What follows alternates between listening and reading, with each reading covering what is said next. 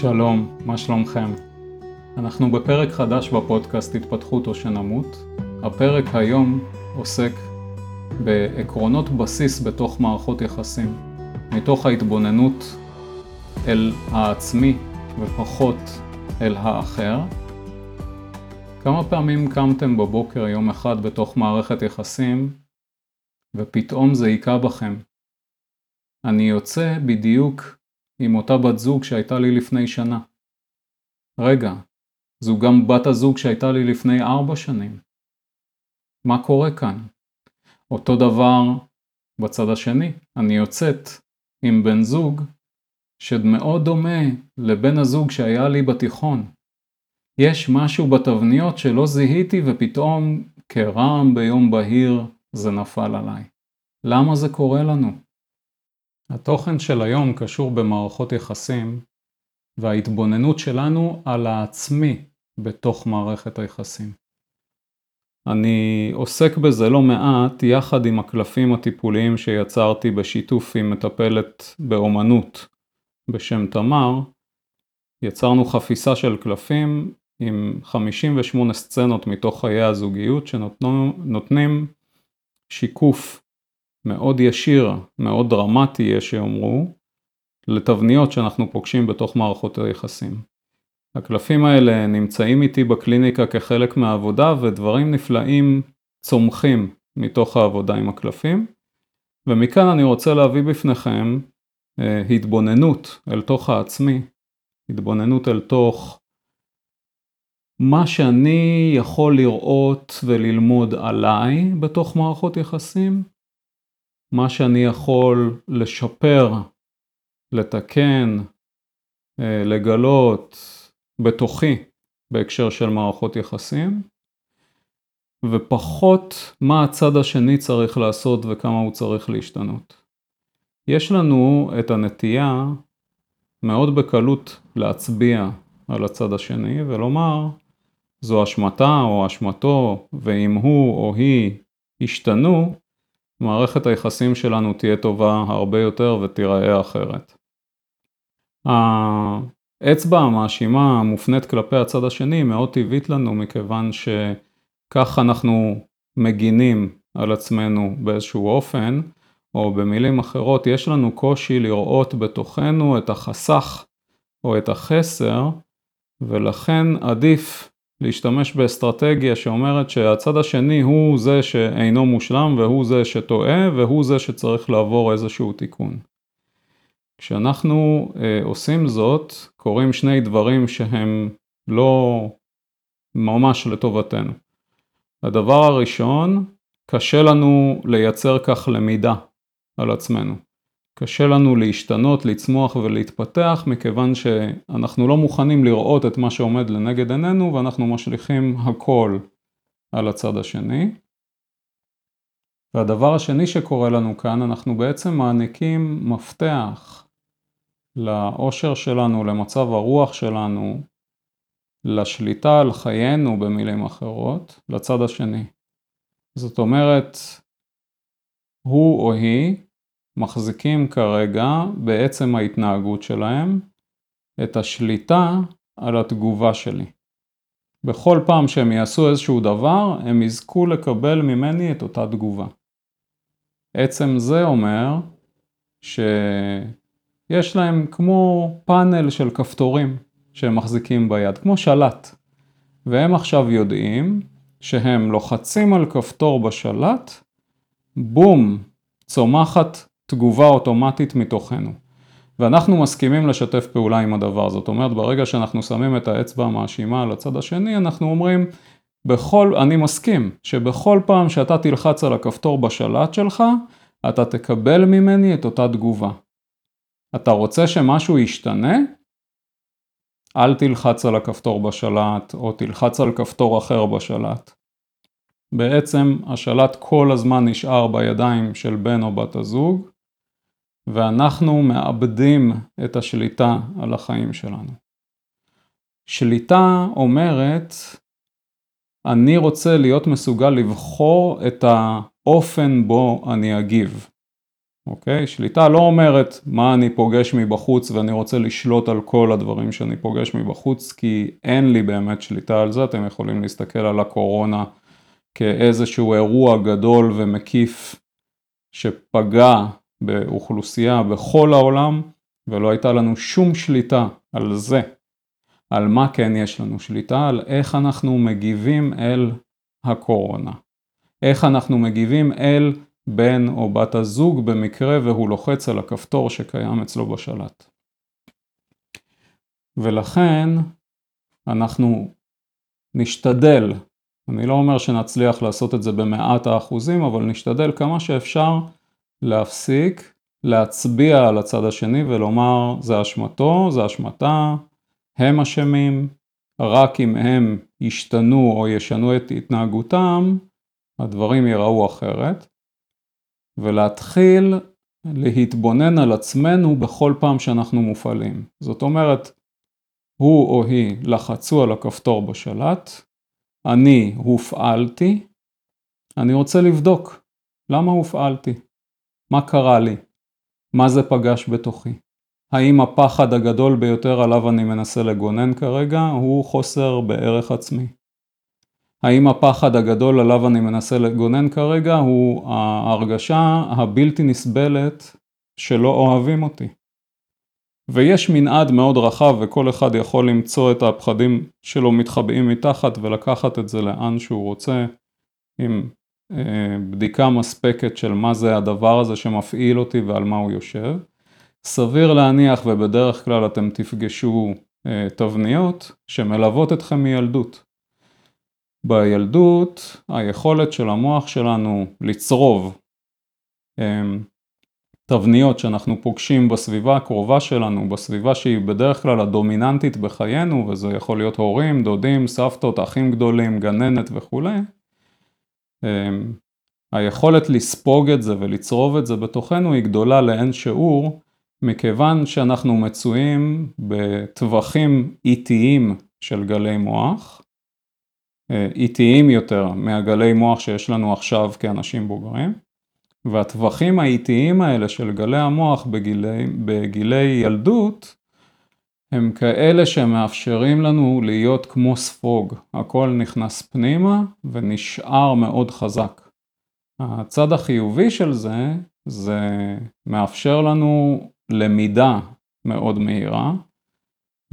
בצד השלילי של זה, זה מאפשר לנו גם לקחת לתוכנו כאמת צרופה וחקוקה כל מיני תבניות שהיום כבר לא מקדמות אותנו אבל צרובות מאוד חזק בתוכנו.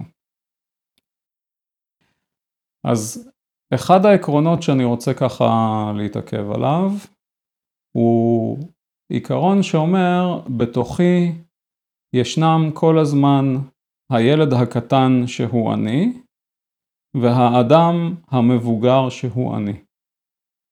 בעצם שתי פרסונות, אה, ב-NLP יש לנו עבודה עם חלקים, עבודה עם חלקים יש גם בפסיכותרפיה, יש בכל מיני אה, רבדים של טיפול ואימון, עבודה עם החלקים שלנו, ויכולים להיות לנו חלקים רבים בתוך גופנו, כרגע אנחנו נתייחס לשני חלקים בלבד, האני שהוא הילד הקטן בתוכי, והאני שהוא האדם המבוגר בתוכי. כשאני מסכים ששני החלקים מתקיימים והם יתקיימו כל הזמן, הילד הקטן יבוא איתי עד המוות. כשאנחנו מסכימים שהם מתקיימים כל הזמן, אנחנו יכולים להתחיל לטפח מיומנות של דיאלוג בין שני החלקים האלה. הכרה והבנה והסכמה שבתוך הילד הקטן ישנם פחדים, ובתוך הילד הקטן ישנם גם אה, סקרנות, פרצי שמחה, יצירתיות. הילד הקטן מביא איתו הרבה דברים טובים וגם דברים שהם פחות טובים. באדם המבוגר ישנה יכולת ליצור השהיה של תגובה, ישנה יכולת להתבונן, ישנה יכולת לשקול דברים, ישנה יכולת לראות מה מועיל ומקדם עבורי ומה לא. וכשאני מתחיל דיאלוג בין שתי הפרס... הפרסונות האלה, אני מאפשר לעצמי לעשות תיווך עבור הסביבה החיצונית של הילד הקטן שקיים בתוכי.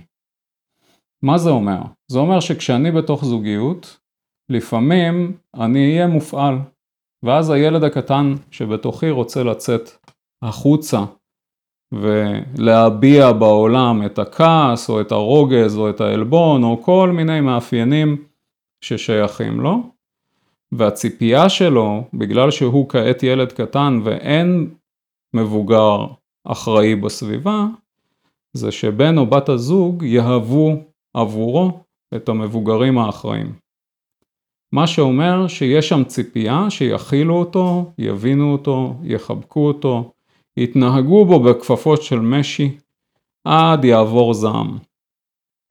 בתוך מערכות יחסים ישנם מצבים שלבן זוג או לבת הזוג אין כרגע את המשאבים לנהוג כאדם מכיל, בוגר וכולי. יותר מכך, יכול מאוד להיות שכשאין לו את המשאבים והילד הקטן שבתוכי מטיח בו דבר מה, גם הוא באותו רגע הופך להיות ילד קטן או היא הופכת להיות ילדה קטנה באותו רגע. ואז יש לנו בעצם דו שיח בין שני ילדים קטנים מין פינג פונג כזה שלפעמים יכול להגיע לצעקות, כעסים, התחת עלבונות וכולי. ובפינג פונג הזה בין שני הילדים הקטנים אין שום מבוגר אחראי שנמצא בסביבה. הציפייה הזו שלנו מבן הזוג או בת הזוג שיהיו המבוגר האחראי היא ציפייה מאוד טבעית, אה, אינסטינקטיבית אפילו. ההבנה שלנו שלא תמיד בן או בת הזוג יכולים להיות המבוגר האחראי, היא הבנה שמגיעה מתוך מקום שהוא שקול, מקום שהוא בוגר, מקום שהוא מתבונן, וזו הפרסונה המבוגרת או הבוגרת שנמצאת בתוכנו. אם ניקח לדוגמה מצב שבו אני כרגע מוצף רגשית, אני חוזר ממקום העבודה שלי אחרי שלא קיבלתי קידום, אה, ואני ממורמר מאוד וממלמל לעצמי כל מיני דברים ומגיע הביתה ולבת הזוג שלי היה יום נוראי עם הילדים. אה, דברים שהיא לא הצליחה ככה להתמודד איתם והיו הרבה ויכוחים והרבה ריבים בתוך הבית. ואני מגיע הביתה אחרי יום עבודה כזה, כשבת הזוג שלי פותחת את הדלת ומצפה שאני אכיל אותה, או לא משנה, אני מצפה שהיא תכיל אותי, זה לא ממש משנה.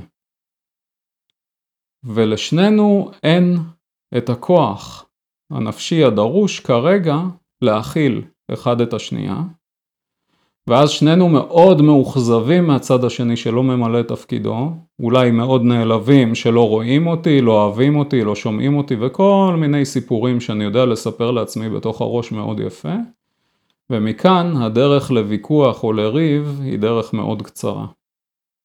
כששנינו עושים את התרגול היומיומי, את הטיפוח הזה של המיומנות, של הדיאלוג בין הפרסונה המבוגרת לפרסונה הילדית בתוכנו, מפגש כזה בין שני אנשים שכרגע אין להם משאבים ואני הגעתי מהעבודה והבת זוג פותחת את הדלת ואנחנו נפגשים ליד הדלת ומבינים כשאנחנו משתפים בתקשורת שאין כרגע יכולת להכיל יש כאן מקום חדש שנוצר שבו יש הבנה, בו יש חוסר היבהלות, אנחנו מכירים את המנגנונים מראש, טיפחנו את המיומנות הזו מראש, וכשאנחנו מגיעים לאירוע עצמו אנחנו מגיעים מוכנים יותר.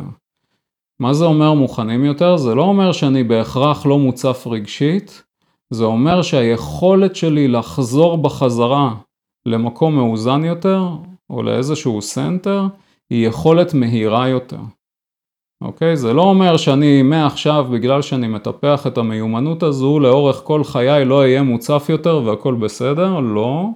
זה אומר שהיכולת שלי לעשות את ה-bounce back הזה, את הקפיצה בחזרה לאזור האיזון שלי, היא הרבה יותר מהירה, מכיוון שאני כבר מכיר איזה מנגנונים פועלים בתוכי כרגע, איזה כוחות פועלים בתוכי כרגע.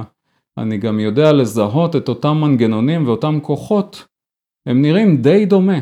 שפועלים אצל בת הזוג שלי, ולכן יש לי מקום לייצר חמלה גם כלפי בת הזוג שלי וגם כלפי עצמי והמנגנונים הקיימים בתוכי, שרובם, כמו שאמרנו קודם, הם מנגנונים אוטומטיים.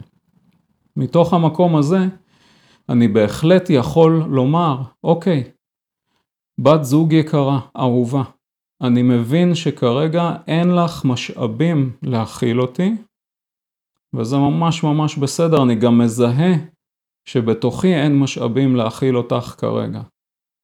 כשאנחנו מצליחים להגיע לנקודה הזו, אנחנו בעצם מביאים לדרגת חופש נוספת בתוך מערכת היחסים. מה זה אומר דרגת חופש נוספת? זה אומר שאם קודם בן או בת הזוג היה מוכרח, חייב, אה, למלא את הצורך הזה, להיות ההורה הרגשי שלי, כעת הוא לא חייב ולא מוכרח. הריצוי שהרבה מאוד פעמים יכול להצטרף למצב כזה של חייב ומוכרח, מוסר מן הדרך.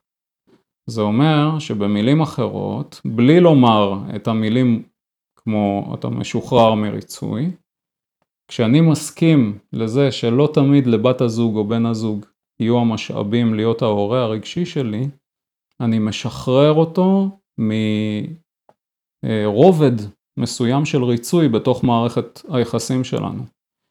כשאני משחרר אותו או אותה מתוך רובד ריצוי, אני מייצר בתוך מערכת היחסים שלנו עוד דרגה של חופש. זאת אומרת, אין כאן כבילה בשלשלות, אין כאן אתה מוכרח, אתה צריך, אתה חייב.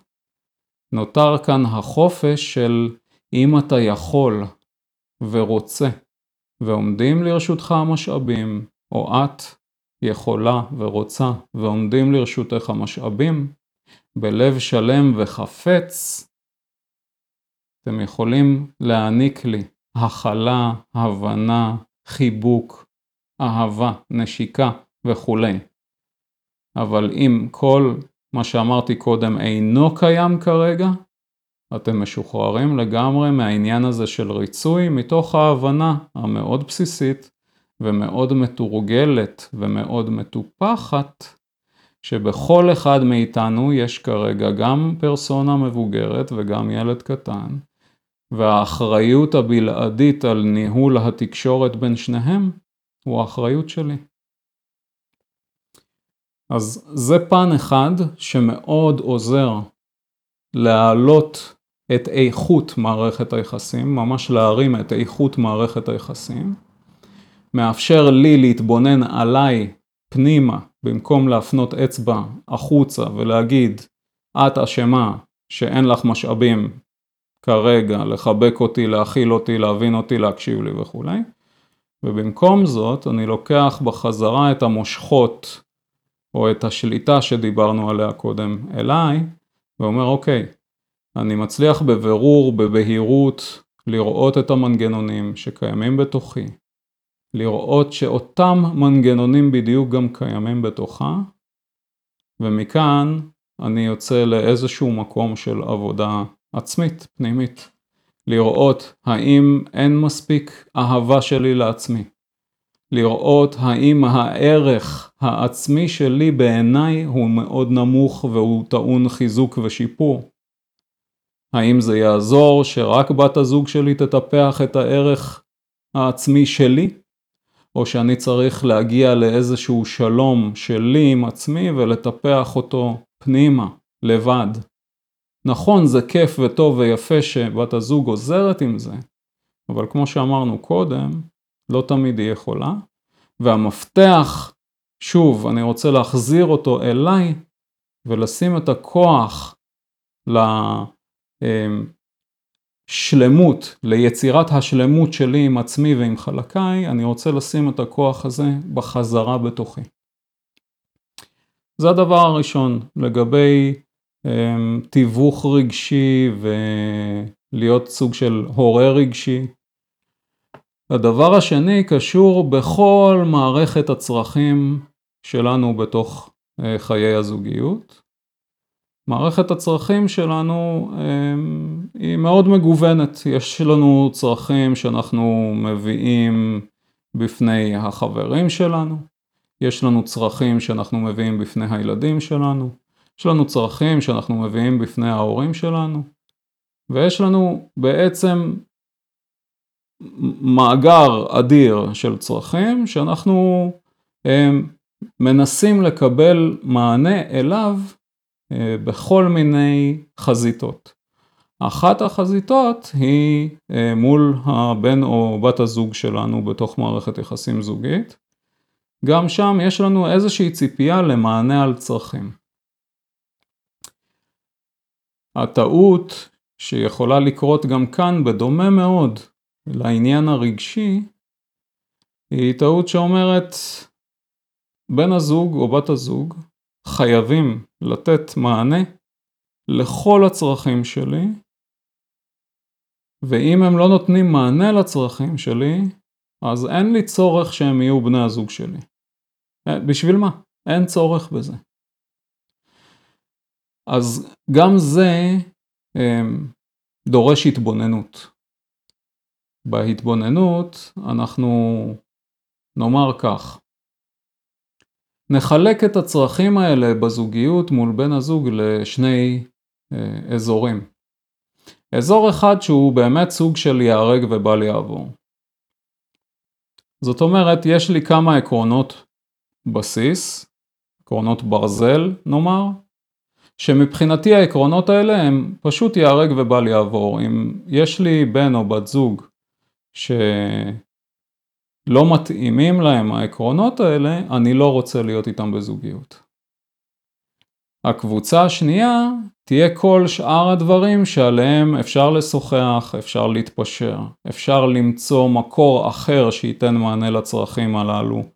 אני יכול למצוא את המקור לבד, זה יכול להיות חברים, אני יכול בעצמי לצאת לעשות כל מיני פעילויות של אה, ספורט, של אומנות, של יצירה כלשהי, של התפתחות אישית וכולי, שייתנו מענה לאותם צרכים.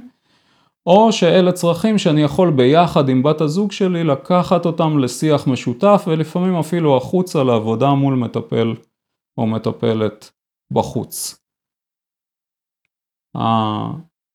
הדבר הזה מאפשר לי, שוב, לראות את בת הזוג שלי לא כמקור בלעדי מוחלט למענה על כל הצרכים שלי, אלא להכניס לתוך הדבר הזה איזושהי גמישות, להגיד אוקיי, יש דברים שבאמת מבחינתי שם אני לא גמיש, הם ייהרג ובל יעבור, וכמו שאמרנו, אז אני לא אהיה בזוגיות עם אדם כזה וכזה. עם כל שאר הדברים אני רוצה להיות מאוד מאוד גמיש, ולא לשים את מלוא כובד המשקל על בן או בת הזוג, שאז שוב יכול להיות שאין להם כרגע את המשאבים, או אין להם אפילו את הרצון. הם לא רוצים, הם לא נהנים מזה. אין להם כרגע את המשאבים, אין להם כרגע את הרצון לתת מענה לצורך מסוים שלי, וכשאני שם את מלוא כובד המשקל עליהם, אני בעצם שוב כופה או מכריח סוג של ריצוי. זאת אומרת, הציפייה והדרישה שלי כל כך חזקות ומרחפות בחלל בתוך מערכת היחסים, כך שבן או בת הזוג מרגישים שהם ממש חייבים להוציא לפועל ולתת מענה לצרכים שלי. כשאנחנו מביאים את זה לשיח ואומרים אוקיי, יש דברים שהם אה, גמישים, שאפשר לשוחח עליהם, שאפשר לנסות למצוא פתרונות חדשים ואני יכול גם לקחת אותם פנימה אליי ולנסות בעצמי למצוא לי פתרונות אחרים כי כרגע בזוגיות אי אפשר. גם הדבר הזה מייצר עוד דרגה של חופש. גם כאן הסרתי עוד פוטנציאלים לא מעטים של ריצוי מתוך מערכת היחסים, ואפשרתי עוד דרגה של חופש. זאת אומרת, אני מסכים שהמוח שלי מספיק גמיש בשביל להתחיל לחפש אלטרנטיבות לכל המקומות בהם לבן או בת הזוג אין את הרצון או את הכיף לתת מענה לצורך המסוים, או אין להם כרגע את המשאבים לתת את המענה לצורך המסוים. זאת אומרת, אם בן או בת הזוג יכולים לומר, אני בלב שלם וחפץ, בשמחה גדולה, ללא בקשת תמורה או ללא תנאי, מוכן לענות על צורך שלך, אז אני אקבל את זה בזרועות פתוחות, זה מגניב, זה מהמם, זה מחזק את הקשר ומחבר אותנו יותר. אבל אם אין את הלב השלם והחפץ, ואין באמת את הרצון הזה, ואין את ה... אה, ללא תנאי.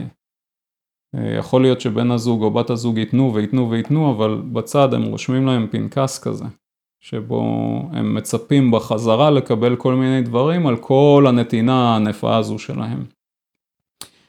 גם סוג כזה של נתינה הוא נתינה בעצם לא של לב מלא ולא של אה, אה, לב חפץ, אלא נתינה שיש בה סוג של ריצוי כרגע בשביל לקבל איזושהי תמורה אחר כך, והיא לא נתינה טובה. זאת אומרת, זה איזושהי עננה שתלך ותגדל, תלך ותצטבר ותתערפל, ובסוף יהיה גשם גדול.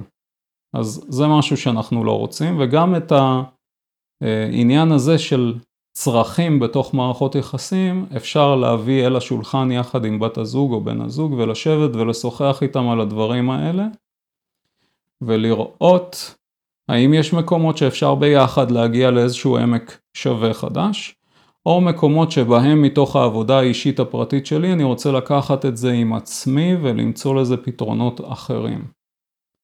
באופן כללי, אנחנו צריכים לזכור שהמטרה העליונה שלנו בתוך מערכת יחסים, העליונה, היא להעניק אהבה. להעניק אהבה אמ, יכול לבוא לידי ביטוי במחשבות, במילים, במעשים. מן הסתם בסופו של דבר יצטרכו להיות מעשים שהם סוג של גיבוי למחשבות ולמילים שעומדים בתוך הראש שלי, מסתובבים בתוך הראש שלי, להלך הרוח שלי, לאנרגיה שמתקיימת בגוף שלי, והמעשים יהיו מין המשך טבעי של הלך הרוח האנרגטי הזה. זאת אומרת, אם יש כאן תקלה בין מה שאני חושב, מה שאני מרגיש, מה שאני אומר, לבין המעשים שלי, יש כאן איזשהו קצר, כדאי שאתבונן, כי כנראה שמה שאני מחזיק אולי כסיפור לעצמי שזאת אהבת אמת, הוא לא באמת אהבת אמת הסיפור הזה. כשאהבת אמת אומרת אני רוצה להעניק בלב שלם וחפץ ובדרך כלל ללא תנאי לבת הזוג שלי, נכון זאת נקודת קיצון, נכון לא כולנו נמצאים שם, רובנו לא נמצאים שם, נמצאים איפשהו על סקאלה שזו נקודת הקיצון שלה וכל אחד מתמקם על הסקאלה איפה שנעים ונוח לו, זה נכון, מאוד מאוד. אבל הנקודת קיצון הזו זו נקודה שאליה אנחנו מבקשים לשאוף. המקום שבו אני רוצה רק להעניק, בלי לסמן אה, בפנקס שאני צריך לקבל תמורה, ואז אני גם לא מתרוקן בתוך מערכת היחסים. כשאני מתקיים בתוך מערכת יחסים ממקום שהוא חפץ, ממקום שהוא נעדר ריצוי לחלוטין, אני לא מתרוקן במערכת יחסים. אני נותן ונותן ונותן ונשאר כל הזמן מלא. מה שקורה במצב כזה, גם בת הזוג שלי, במידה ואנחנו מסונכרנים והתקשורת טובה ומלבנים ומעלים את הדברים, גם היא אמורה להגיע למצב שבו היא נותנת ונותנת ונותנת ונשארת מלאה. לשם אנחנו רוצים לשאוף, אנחנו יודעים שלא תמיד נפגוש את זה, אנחנו יודעים שאנחנו נפגוש עוד כל מיני מכשולים בדרך ויהיו גם עמקים וגאיות ולא רק פסגות ואוויר ההרים צלול, וזה ממש בסדר כי זה חלק ממסע החיים שלנו. אבל כשהנקודות האלה עומדות לנגד עינינו, המקום של חוסר ריצוי במערכת יחסים כנקודת קיצון. המקום של אהבה והרעפה ללא תנאי כנקודת קיצון בתוך מערכת יחסים. הדברים האלה יאפשרו לנו אה, לראות איזשהו אופק מאוד יפה, מאוד שלם, מאוד גבוה ומאוד מלא במערכת יחסים וביחד לצעוד אל עבר האופק הזה.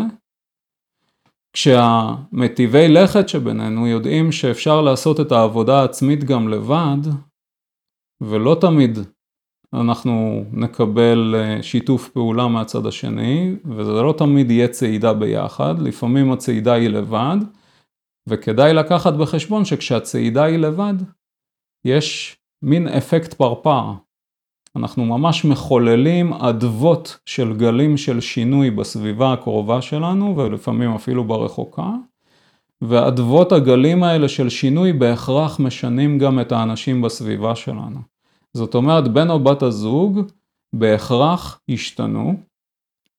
זה מסע שהוא מאתגר יותר, הוא, הוא בודד יותר, אה, הוא יכול לקחת זמן ארוך יותר, אבל ככל שאנחנו נחושים יותר ובטוחים בדרך ועושים אותה ללא פחד, כך הסיכוי שהשינוי שנראה בבירור, שינוי בר קיימא, גם אצלנו וגם אצל בן הזוג או בת הזוג, אמ, מאוד אה, יבלוט לעין ומאוד יתמוך בתנועה שאנחנו עושים. כן יש לקחת בחשבון שכמו שאנחנו, אין לנו באמת מושג מה צופן בחובו העתיד שלנו, כך גם בתוך מערכות יחסים, בתוך מערכות זוגיות, אנחנו אף פעם לא יודעים מתי המערכת תסתיים, אנחנו אף פעם לא יודעים האם התנועה שלי בתוך ההתפתחות האישית, בתוך ההתבוננות שלי פנימה, תיקח אותי למקום שהולך ומתרחק מבן או בת הזוג, או לא. במידה וזה לוקח אותי למקום שהולך ומתרחק מבן או בת הזוג, מה שאנחנו יכולים לומר זה שבסך הכל גרמנו לאיזושהי האצה או תאוצה בתהליך שהיה מתקיים בין כה וכה, בתהליך שמוציא החוצה את הדברים האמיתיים ומנער ומשליך מן הדרך את הדברים שהם לא אמיתיים, שהם מאוסים, ואז אנחנו אה, בקצב מהיר יותר מגיעים לסיומה של מערכת יחסים, שגם זה בסדר. זאת אומרת, אני לא אשקיע פחות בתוך מערכת היחסים שלי, אם אני אקח איזושהי דוגמה שהיא קצת מצחיקה, קצת קיצונית, אני לא אשקיע פחות בתוך מערכת היחסים שלי מתוך איזושהי מחשבה שעוד שנתיים אני עלול לסיים את חיי בתאונת דרכים. אוקיי? אז באותו אופן, על פי אותו היגיון, אני לא אשקיע פחות במערכת היחסים שלי מתוך איזושהי תפיסה שיכול להיות שבעוד שנתיים אנחנו ניפרד. לא. זו מין נבואה שתגשים את עצמה בסופו של דבר. אני אשקיע במערכת היחסים כי כרגע אני מרגיש אהבה מאוד גדולה, כי כרגע אני רוצה להיות בנתינה מאוד גדולה, כי כרגע בא לי להרעיף אהבה. כשאני משחרר לחלוטין את מה יקרה בינינו בעתיד, אני משחרר את זה לגמרי, אני כן יכול להחזיק איזשהו vision לאן אני רוצה להגיע בעתיד, זה מצוין, זה בסדר גמור, וכשאני מחזיק את ה vision הזה לאן אני רוצה להגיע בעתיד, זה גם נותן לי המון אנרגיה להווה, אבל אפשר לפשט את הדברים ולהגיד, בתוך הרגע הזה כאן ועכשיו, לא בהסתמך על העבר שלי, לא בהסתמך על העתיד שלי, כרגע, כאן ועכשיו, מה אני מרגיש כלפי בת הזוג שלי בתוך הזוגיות, והאם בא לי להרעיף ולתת ולמסור אהבה מכל הלב, ועם זה אני נע כשאני מתמסר לחלוטין, או אפילו נכנע לחלוטין לדברים שאפגוש בעתיד.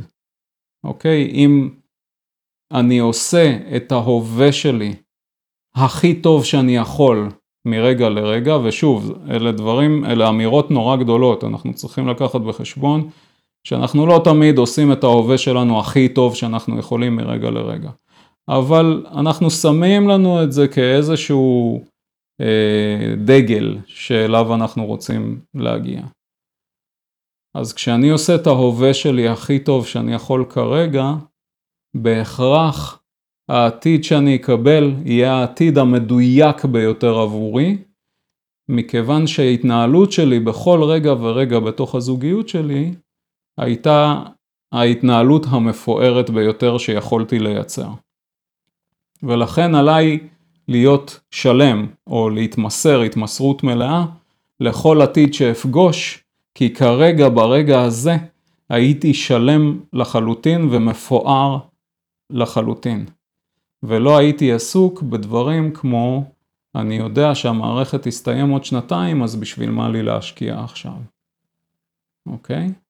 זה מאוד חשוב אה, בתוך זוגיות לקחת בחשבון ולהתנהל איתו, אם לא מדי יום, יום, מדי יום, סליחה, אז אפשר כל כמה ימים, כל שבוע, כל חודש, לראות איך אני עכשיו, איך אני מרגיש, מה איתי בתוך הזוגיות. מה שקורה לרובנו, לצערי הרב, זה אנחנו נכנסים למין אוטומט כזה שפשוט רץ מאיזשהו כוח אינרציה, ואנחנו מאוד פוחדים לעצור ולשאול, כי אנחנו מאוד פוחדים מהתשובות שנקבל. התשובות יכולות להיות מאוד מפחידות, ואז המבנה הזה שאנחנו מחזיקים יחד עם האינרציה הזו, הוא מבנה שמספק לנו איזשהו ביטחון, זה כמו ארבעה קירות ותקרה שעומדים סביבי כרגע, ואני אוטומטי לחלוטין בתוכם, אבל יש ארבעה קירות ותקרה והם מהווים אה, מקור מאוד גדול לביטחון. כשאני מתחיל לשאול את השאלות האלה, מדי יום, מדי שבוע, מדי חודש, אני די מערער את הביטחון הזה אם אני פוחד מהתשובה. ולכן צריך למצוא איך מגייסים לתוך זה אומץ, איך מגייסים לתוך זה אמונה, ממש אמונה, שאם אני כרגע הגרסה הכי טובה שאני יכול לייצר של עצמי, אז בהכרח כל עתיד שאפגוש הוא עתיד מדויק יותר עבורי, בטח מדויק יותר מאשר אם אני כרגע גרסה אוטומטית לגמרי של עצמי. אז היו לנו כאן מספר עקרונות, דיברנו על אה, הורות רגשית, דיברנו על מערכת של צרכים, דיברנו על אה, אמ, הסרת העניין ככל שניתן של ריצוי, דיברנו על נתינת לב, ללא תנאי, ללא פנקסנות, דיברנו על העצירה ושאלת השאלות והיכולת לייצר בכל פעם את הגרסה הכי מוצלחת של עצמי, תוך כדי שאני נע בתוך הזוגיות. בעבודה עם הקלפים, כמו שהתחלתי בתחילת הפרק, אנחנו עושים לא מעט שיקופים, השלכות של תבניות אוטומטיות, כמו שדיברנו עליהן ממש עכשיו, שאנחנו פוגשים בתוך מערכות היחסים, ואז מה הציפייה שלי מבן הזוג או בת הזוג בתוך התבנית האוטומטית הזו שאנחנו מתעכבים עליה כרגע, והאם זה נכון שתהיה ציפייה כזו, ועל מה היא יושבת, על איזה רעב או איזה חסר היא נותנת מענה, והאם כדאי לחפור עוד פנימה ולראות איך מסירים מן הדרך את התבנית הזו, כי התבנית כבר אינה מקדמת אותי בתוך מערכות היחסים שלי.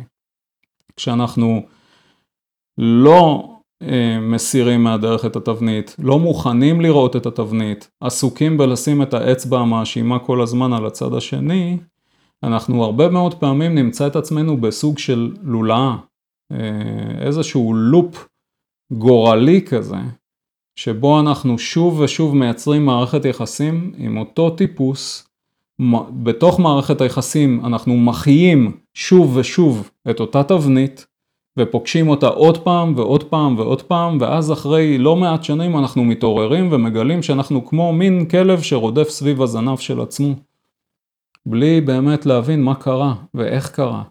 ויכול מאוד להיות שכל הסביבה אומרת לנו, תקשיבו, אתם נמצאים בדיוק עם אותו בן זוג או בת זוג שהיו לפני חודשיים. ואתם ממש תתרעמו על כך ותגידו מה פתאום, זו אישה אחרת לגמרי או זה גבר אחר לגמרי. מכיוון שלא תהיה בכם היכולת לראות שאתם מזמנים לחייכם את האנשים שיקיימו יחד איתכם בדיוק את אותן תבניות שסירבתם לראות לאורך כל כך הרבה שנים. אז מי שזה נתן לו ערך מוסף, אני ממש ממש שמח. מי שירצה לבוא ולעשות איזושהי עבודת עומק עם הקלפים, אני ממש ממש אשמח. ואנחנו נשתמע שוב בפרק הבא. להתראות.